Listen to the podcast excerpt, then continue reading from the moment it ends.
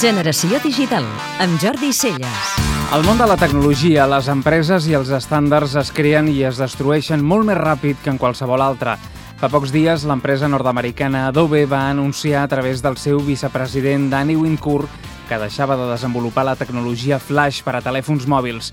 Aquesta és una notícia especialment important per al que d'una banda ratifica l'èxit del nou estàndard HTML5 i per l'altra acaba una guerra oberta entre Adobe i Apple que ha tingut moments especialment tensos durant els darrers anys. Flash és una plataforma multimèdia que permet crear i distribuir continguts d'animació, vídeo i interactius a través d'internet. Va ser tota una revolució.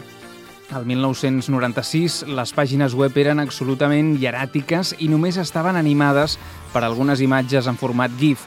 Flash va permetre que els programadors, els dissenyadors i els usuaris gaudissin de continguts amb un aspecte espectacular.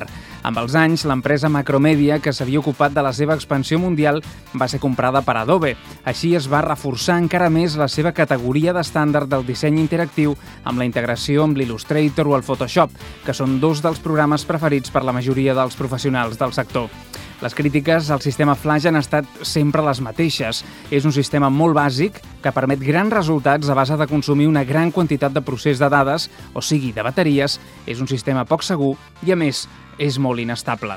És en aquest sentit que Apple s'ha oposat des de sempre que els seus dispositius puguin reproduir els continguts generats en Flash.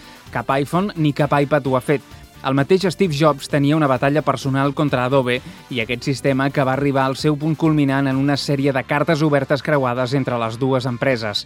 El que és més curiós és que les dues empreses tenien un passat comú, ja que el 1985 Apple va invertir en Adobe i van treballar conjuntament durant els seus primers anys.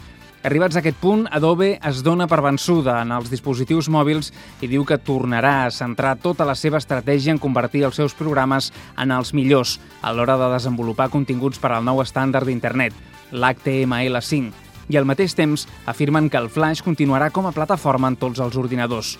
De totes maneres, la reestructuració serà dura. La notícia sona a derrota i això, sumat al comiat de 750 persones amb un cost de 95 milions de dòlars, va fer que Adobe perdés el 8% del seu valor en borsa durant les dues sessions posteriors a l'anunci. Podeu escoltar Generació Digital cada dissabte de 4 a 6 de la tarda a Catalunya Ràdio.